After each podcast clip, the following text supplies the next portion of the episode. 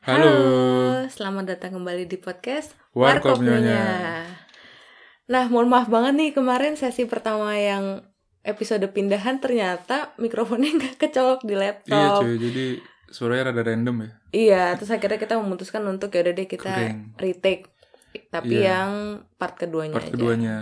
Jadi untuk kalian yang belum dengerin part pertama, silakan didengarkan dulu karena episode ini erat kaitannya dengan yang pertama. Jadi kalau misalkan nggak dengerin yang pertama, takutnya kehilangan konteks. Iya, gitu. betul. Eh, jadi di part kedua ini kita mau ngebahas tentang hikmah dari saga perpindahan duniawi ini Iya, yang kita jalani Betul. selama kurang lebih dua tahun belakangan ya. Eh, karena kalau misalkan ada cobaan, terus kita hanya selewat aja gitu, cuman ngejalanin itu sampai beres, tanpa direnungkan gitu, tanpa dicari hikmahnya, itu kayak rugi gitu. Iya. Jadi apa pun sih, bukan cuma cobaan, tapi kalau misalkan dapat apa pun yang ada di, di kehidupan ini, kalau misalkan kita bisa apa ya, kayak mengkaji gitu, kita lihat Hmm. ada apa sih di balik ini semua, nah itu bisa Hmm. memperkaya diri kita sendiri gitu. Betul betul. Jadi hikmah pertama yang bisa aku simpulkan dari Hmm. saga pindahan ini adalah kita jadi terbiasa hidup dalam ketidakpastian. Buh, maksudnya gimana tuh kayak? Gimana ya kalau misalnya di Indo kan hidup dalam kepastian tuh kayak udah jadi makanan sehari-hari gitu. Misalnya udah pasti naik kelas atau Oh, rumah udah tetap sama orang Makan. tua, makan juga nggak repot. hmm. Eh, terus apa lagi ya? Ya tanggung jawabnya waktu itu karena kita masih Hmm. sekolah juga kan, jadi masih ditanggung sama orang tua. Terus kalau dilihat kayak kuliah di Indo lulus-lulus aja, Iya, tepat kalau waktu biasanya. Heeh. Kayaknya emang dipaksa slash di program tepat waktu sih mungkin ya. Karena kalau nggak lulus ujian ada semester pendek lah, ada remedial, ada apa segala Iya. macam gitu. Nah di sini kita terbiasa hidup dalam ketidakpastian kayak eh, contohnya nih visa belum tentu dapat setahun, bisa jadi Iya. kurang dari itu. Terus habis itu kerjaan juga gimana. Mm-mm. Terus habis itu rumah juga Rumah sih susah. paling paling Gimana ya? ya.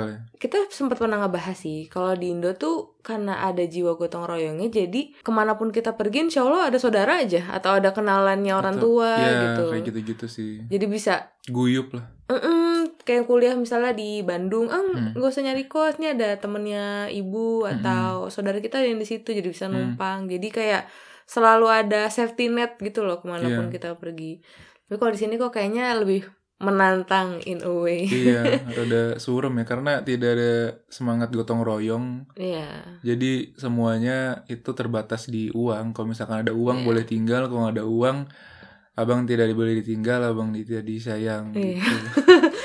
Jadi kalau misalnya hmm, apa ya sesuatu tidak sesuai dengan rencana, kita jadi bisa belajar lebih legowo aja sih Iya, sebenarnya. dan apa ya membiasakan diri untuk selalu Cepat beradaptasi gitu ya. cepat beradaptasi betul sekali. Karena kalau misalkan kita udah bikin plan, oke plan gue semester depan mau ngambil eh, modul sekian sekian sekian, tapi di awal semester itu harus perpanjang visa Mm-mm. misalkan terus pas perpanjang visa oh cuma dikasih empat bulan nah itu kan satu satu satu semester aja nggak nyampe gitu jadi Iya. terpaksa kita harus kerja untuk eh, perpanjang visa di empat bulan ke depan gitu. Nah jadi plan yang udah dibikin mau belajar ini itu segala macam jadi harus berkompromi gitu. Ah niatnya ngambil 6 eh, modul tapi karena harus kerja ngejar visa ya udah deh ambil tiga aja atau empat. Nah Iya. jadi kan ada dua hutang pelajaran di semester depannya yang nanti bisa berakibat jadi lebih lama kuliahnya kayak gitu gitulah. Maksudnya hal-hal yang kecil yang kadang eh, orang yang nggak tinggal di sini tuh nggak tahu gitu. Iya. Tapi ya kalau dijalani dan kita cari hikmahnya sih sebenarnya ya alhamdulillah jadi selalu cepat untuk beradaptasi gitu. Oke, mungkin dibilangnya bukan sulit ya, menantang. Menantang betul, betul. Oh, tapi kalau misalnya ini nih ya, kalau hidup dalam ketidakpastian ya. Jadi kadang tuh ditanya sama orang tua atau teman-teman di Indo gitu. "Eh, Mhm. gimana? Lu mau ngapain habis ini?" Kayak seakan-akan kita tuh tahu kita mau ngapain gitu. Iya. Padahal di sini susah banget bikin rencana kalau misalnya ya gitulah masih banyak faktor-faktor yang bisa bikin semua itu gagal gitu Iya. suatu waktu. Jadi kayak Tapi ya em, bukan berarti nggak bikin rencana, cuman hmm, tetap bikin rencana karena memang apa ya kita nggak pernah tahu masa depan kayak gimana kan. At Iya. least kita bikin rencana. Nah em, yang penting tuh jadi skill untuk beradaptasi sama keadaan itu sih sebenarnya. Karena eh, basically mau tinggal di mana pun mau kita mau ngapain mau ngapain aja itu kan butuh plan ya. Kalau kita udah bikin plan termasuk strategi segala macam kan ya udah aman gitu. Cuman ketika plan yang nggak sesuai sama rencana nah itulah sebenarnya orang lagi lagi diuji. Jadi kayak menurutku bukan ketika kita menjalankan plan itu yang diujinya tapi poin diujinya adalah ketika nggak sesuai plan terus lu bisa nggak? Nah itu tuh kalau misalkan kita bisa lewatin itu berarti naik kelas gitu Ini sih kamu sempat ngebahas yang tentang jadi kita punya skill untuk latihan menjadi orang yang solution oriented gitu. iya Jadi eh, ketika nggak sesuai plan, oh ya udah gimana nih biar jalan selanjutnya apa gitu, Mm-mm. alternatifnya apa. Gitu. Karena kalau stuck di apa ya, kerasa kecewa karena Hmm. semua tuh keluar dari rencana nggak bakal nggak bakal selesai juga gitu Iya. masalahnya. Ya bukan berarti nggak boleh bersedih gitu sih, tetep tetep aja boleh gitu. Cuman Iya, kan manusiawi Iya, cuman kan ka- bangkitnya kapan gitu dan Dia harus bisa- dijalanin, dicari jalan keluarnya gitu. nggak bisa 10 tahun sedih itu kan kelamaan Iya. Terus hikmah yang lainnya adalah ternyata kita kuat. Karena kuat apa kuat secara fisik dan mental secara ya. fisik ya Terutama secara fisik karena eh, beberapa kali kan aku bikin vlog pindahan. Hmm. Terus banyak yang nanya, kenapa vlognya nggak lebih panjang? Oh, Jawabannya adalah karena kita memang dan karena kita juga harus ikut kerja gitu ya ngangkat barang, yang nyusun barang, udah gitu bersihin. terus ngebongkar lagi Aduh, itu emang proses yang capek banget sih. Iya betul melelahkan sih Nah, kamu bisa ngebahas ini hikmah yang selanjutnya. Jadi kita belajar lebih mindful karena capek pindahan pakai barang banyak. oh iya nah karena udah puas banget ya merasakan pindahan Iya. Rumah gitu kan. Dan em, di sini kalau pindahan itu nggak ada macam pick up atau truk yang ngangkat barang kita gitu. Jadi kayak kadang harus bolak balik Mm-mm. kalaupun ya mobil bisa sebenarnya tapi lumayan biayanya gitu. Iya. dari situ akhirnya em, bisa ditarik kesimpulan bahwa kalau bisa jangan punya banyak barang gitu. Mm-mm. karena pas pindahan capek banget cuy. Kayak orang gila gitu loh. Barang udah bener rapi di berantakin dimasukin kardus terus di, ntar dibawa bongkar lagi gitu. Jadi Iya. ah gila sih. Kalau kebanyakan barang susah. Perintilan-perintilan segala macem. Baju terus ya peralatan-peralatan apa pun itulah. Mebel-mebel juga termasuk sebenarnya. mebel-mebel. Nah itu tuh bikin akhirnya jadi sadar bahwa harus mindful kalau misalkan mau beli barang. Karena eh, menghindari lelah saat pindahan Kedua latihan untuk supaya bisa beli barang itu sesuai fungsi dan kegunaannya Betul betul. kalian bakal ngerasakan mindful sampai kadang ngangkat barang-barang kalian sendiri sih Iya itu baru berasa banget Nah, sih kayak ya sih. Allah kenapa sih ini nggak habis-habis gitu. Gak habis-habis bener Segitu Nah. kita barangnya nggak banyak loh. Mebel juga nggak. memang nggak ada Eh cuman kasur sama meja belajar. iya Terus Satu baju juga ya Baju nggak udah- banyak-banyak banget baju udah sebenarnya. banyak yang dibuangin disumbangin dijualin sepatu juga sama Kan sepatu masih- sepatu aku cuma punya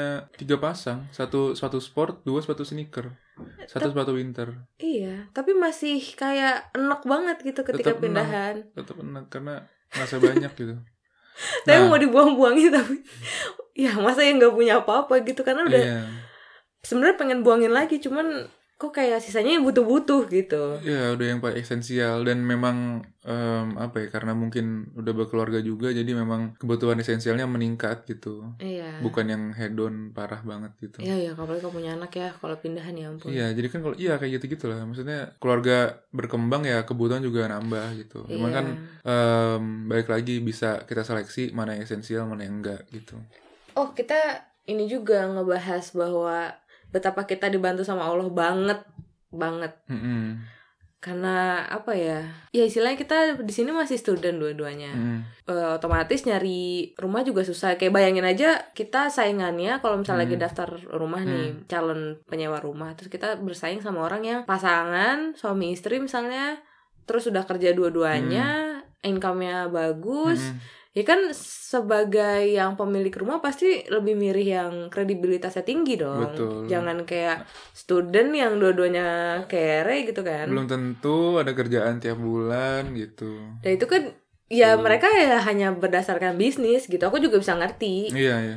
nggak bisa kayak simpati terus gitu kan Hmm. karena kan mereka juga butuh menjalankan bisnis ini cuman ya akhirnya jadi kayak sulit gitu buat Hmm. nyari rumah terus alhamdulillah aja sih ini udah di luar kuasa kita kayaknya kita dapat dapat rumah kayak gitu Iya benar. karena suka tiba-tiba dan pas di saat kita ngebutuhin itu Mm-mm, selalu kayak gitu sih seringnya.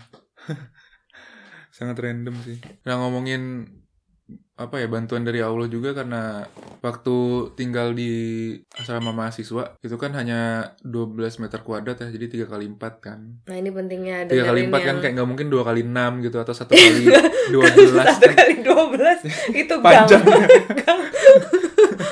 Ah. tiga kali empat lah.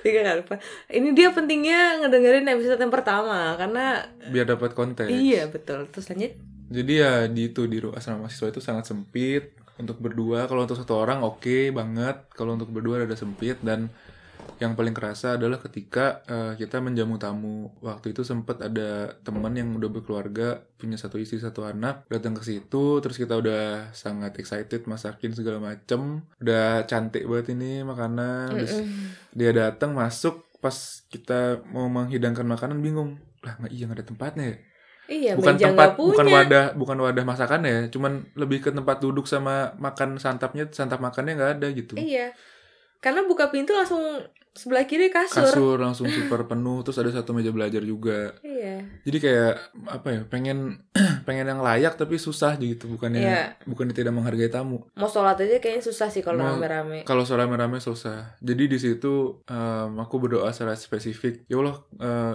minta rumah yang luas supaya bisa menampung tamu dengan layak gitu. Jadi supaya enak lah kalau ada orang bertamu itu kita Hmm. ngobrolnya enak santap makannya enak gitu. Iya Eh, dibikin spesifik kayak gitu sih dibikin alasan. Karena eh, misalkan inget-inget gitu waktu kita kecil kan minta uang ke orang tua kayak bu minta uang berapa? Seribu? Buat apa? gitu. Nah ada proses eh, investigasi dulu gitu kan sebagai Kayaknya- pemberi gitu. ke semua orang sih ke investor ke bank Iya. semuanya kita butuh kayak proposal. Iya. Ya kan? Maksudnya ke kalau ke investor segala macam kan sangat wajar kalau dia sanksi gitu. Mm-mm. ini ke orang tua sendiri maksudnya toh bakal dikasih juga Iya, gitu kan. iya. orang tua sayang banget sama anaknya pasti. Terus sih ya tetap ditanya buat apa? gitu kan. Misalnya buat ini buat jajan buat beli bakso buat apa gitu. Mm-mm. ujung-ujungnya dikasih cuman ada proses nanya-nanya dulu itu buat apa. Nah Iya. ketika orang tua tahu alasannya untuk apa kan dia lebih enak ngasihnya gitu lebih tenang. Jangan bu minta uang seribu buat apa? Ada deh taunya beli narkoba gitu kan narkoba apa ya seribu? Permen apa kali? Kertas orji mungkin. Oh lem kali. Patungan sama temennya. Ya Allah. Nah gitu lah pokoknya intinya kalau ada alasannya jelas itu sebagai yang memberi juga lebih enak. Makanya waktu itu em, kami doanya ya semoga punya rumah semua supaya bisa menerima tamu dengan Mm-mm. layak dan eh, enak lah gitu menyenangkan. Terus em, udah tuh lewat berapa bulan. Nah sekali waktu, iya aku lagi kerja lagi panas banget, lagi nggak pakai baju, tiba-tiba dapat eh, chat dari teman yang nawarin rumah gitu-gitu. Nah kayak gitu-gitu kan udah di luar kuasa manusia. Iya. Maksudnya kayak kita nggak nyari, nggak ngusahain apa-apa gitu, tapi dapat tawaran. Nah, gitulah mungkin bentuk jawaban doanya gitu. Dan alhamdulillah sekarang malah jadi lebih layak lagi gitu, sampai bisa bikin musola kecil Iya. di rumah. itu juga doa spesifik kita sih kalau misalnya next rumahnya selanjutnya kalau bisa kita bikin mihrab gitu Iya. Eh, ternyata bisa alhamdulillah Alhamdulillah, untuk ibadah, sholat, ngaji jadi lebih tenang, lebih khusyuk gitu lah karena em, posisinya dia terpisah eh, dari ruangan tempat orang melakukan kegiatan yang, yang lain-lain gitu. iya iya Itu enak sih, alhamdulillah. jadi itu pentingnya berdoa yang spesifik ya Dan kalau bisa sebutin alasannya untuk apa. Ya Allah, Hmm. saya pengen kaya, saya pengen banyak uang. Buat apa? Jelasin juga. hmm. Kalau hanya ya buat jalan-jalan, buat gini, buat gitu, ya mungkin kurang ya. Mungkin ya Allah saya minta kerjaan ini gajinya sekian supaya saya lebih enak ibadahnya, lebih bisa sedekah misalkan. Nah itu kan make sense. Mungkin Allah ntar kasih. gitu. Ya Allah minta ke- kerjaan yang bagus, duit yang bagus buat anak saya nanti. Nah itu kan enak gitu. Nah terus hikmah selanjutnya sih kalau dari aku komunikasi ya perkara penting banget ini dalam sebuah apalagi kalau dalam sebuah em, hubungan ya soal komunikasi karena em, pas proses pindahan itu hektik banget, super hektik dan terkejar-kejar waktu lah gitu. apa mirip kayak nikahan ya Iya, ribet banget dah pokoknya. Ribet banget. Nah, itu komunikasi di situ coy. Supaya barang cepet atau efektif di packingnya, terus eh, nggak ada yang ketinggalan dan selama menjalaninya walaupun capek tapi at least nggak nggak pusing banget lah gitu karena jadi ada tim gitu kan kalau komunikasinya bagus kan timnya jadi efektif gitu Iya. Nah, itu sih aku rasain komunikasi Terus kan kita sempet kayak sedih atau stres karena capek pindahan kan. hmm. Terus biar suasananya rada ceria dikit, aku Hmm. bikin uh, switch mindset. Hmm.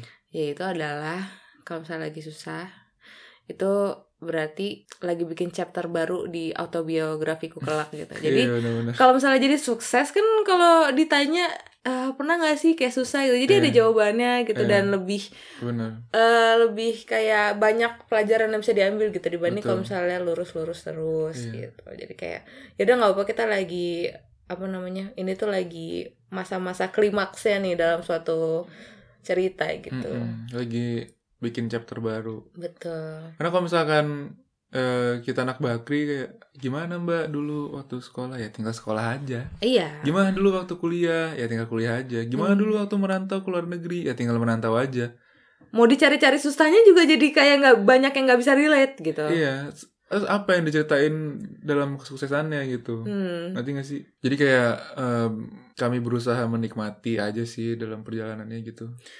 Eh, bukan berarti kita kayak pengen apa tuh Cung yang kayak sirkus kesedihan. Oh iya, sirkus kesedihan dan kesusahan. Iya, kayak kita bukan mau bilang kita yang Mau- paling susah, yang mau paling berlomba sedih. Bahwa hidup kita paling susah. Enggak juga. Dan kita butuh banget simpati, nggak juga sih. Enggak juga sih. Em, kalau aku sih yakin di luar sana ada banyak yang lebih susah hidupnya Iya, gitu. iya. Cuma pengen sharing aja sih apa yang kita pikirkan, apa yang kita rasakan Hmm. selama pindahan kemarin. Hmm.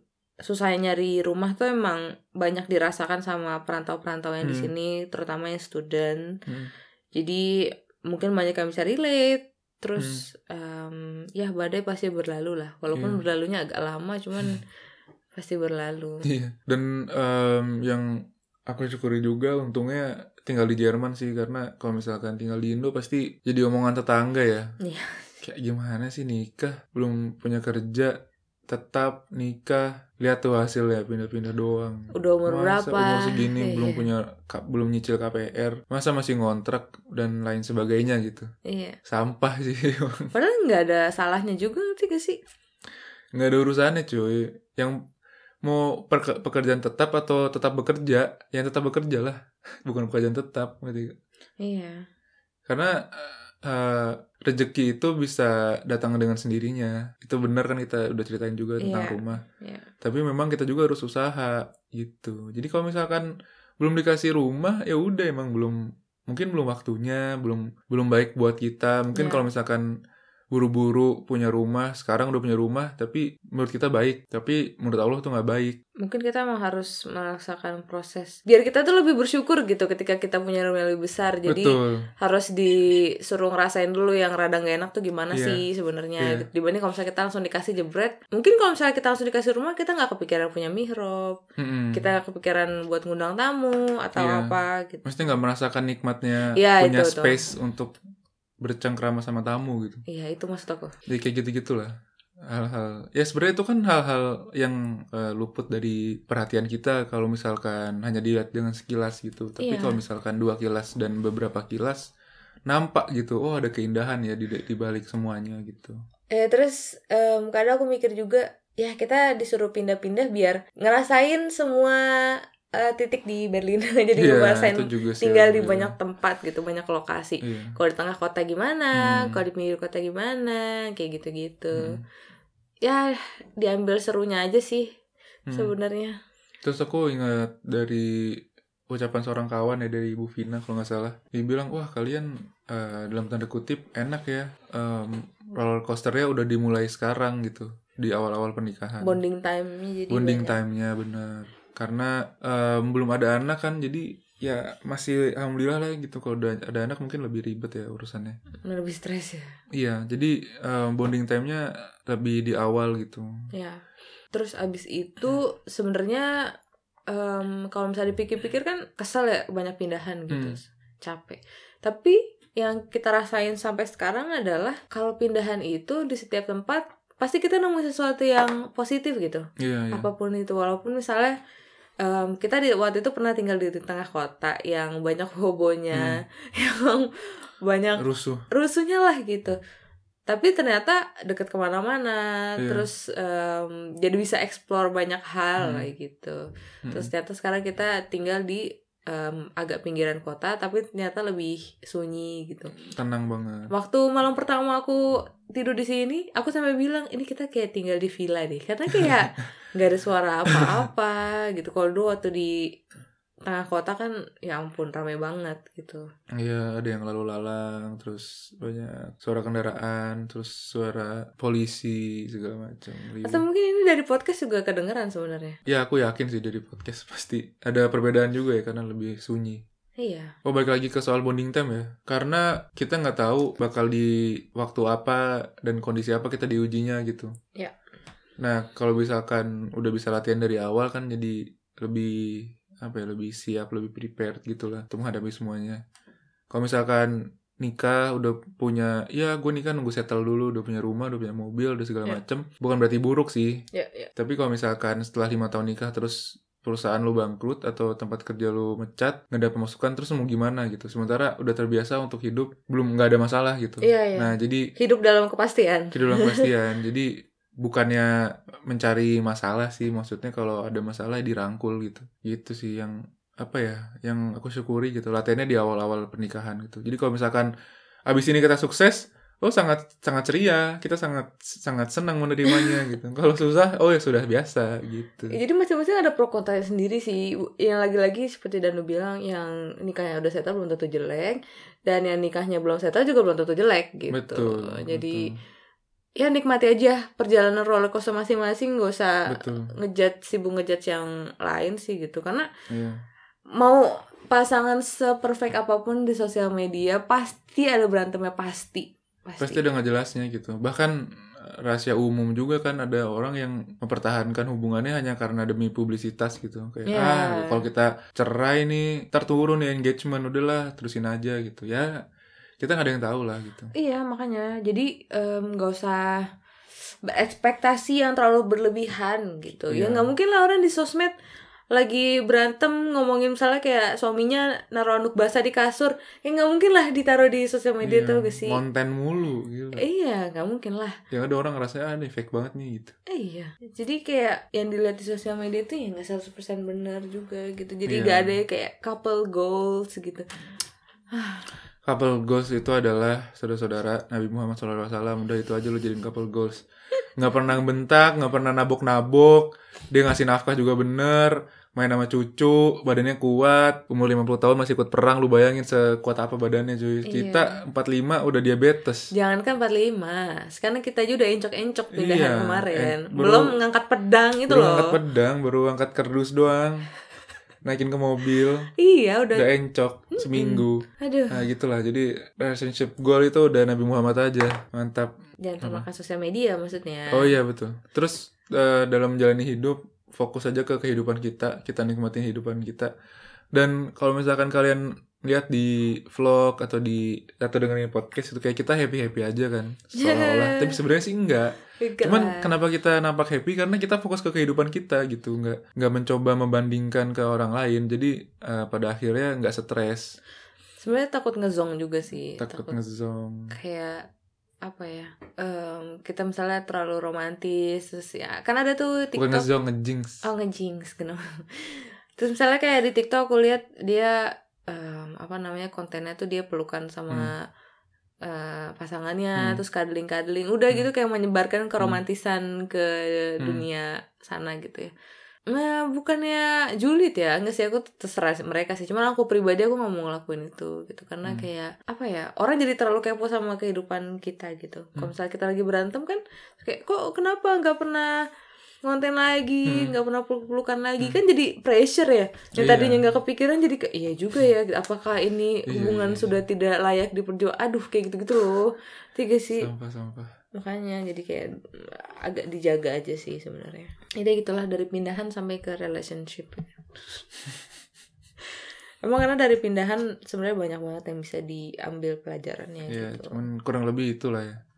Mungkin kalau yang dengerin ini masih single belum berkeluarga ya bisa dijadiin apa ya bahan untuk pengalaman aja gitu persiapan lah istilahnya Iya iya. ntar bakal ada acara pindah rumah kalau dalam keluarga tuh Hmm.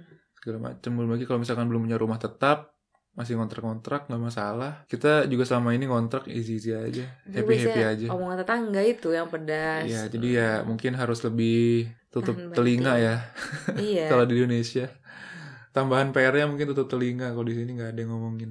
Mungkin di Indo ada yang ngomongin, cuma kita nggak dengar. kita nggak dengar. Mampus. Beda Jauh, samudra jauh. beda benua. Sinyalnya jauh nggak nyampe. Pasti ada aja lah kayak keluarga yang iyalah pasti. kok ini? Udah kerja belum? Kayak Iya, gitu-gitu. ini gitu gitu gitu bodo amat. Gitu. Ya udah deh mungkin itulah part 2 dari saga pindahan. Makasih yang udah dengerin sampai sini. Semoga ada hikmah yang bisa diambil juga di- dari teman-teman yang mendengarkan Iya. terus kami juga mohon maaf andai kata terkesan menggurui atau kami mungkin terkesan seperti berlomba mencari simpati dari kesusahan hidup nggak juga Nggak juga gitu kayak sih. ini murni um, sharing aja gitu Iya. terima kasih sampai ketemu di episode selanjutnya Dadah. dadah.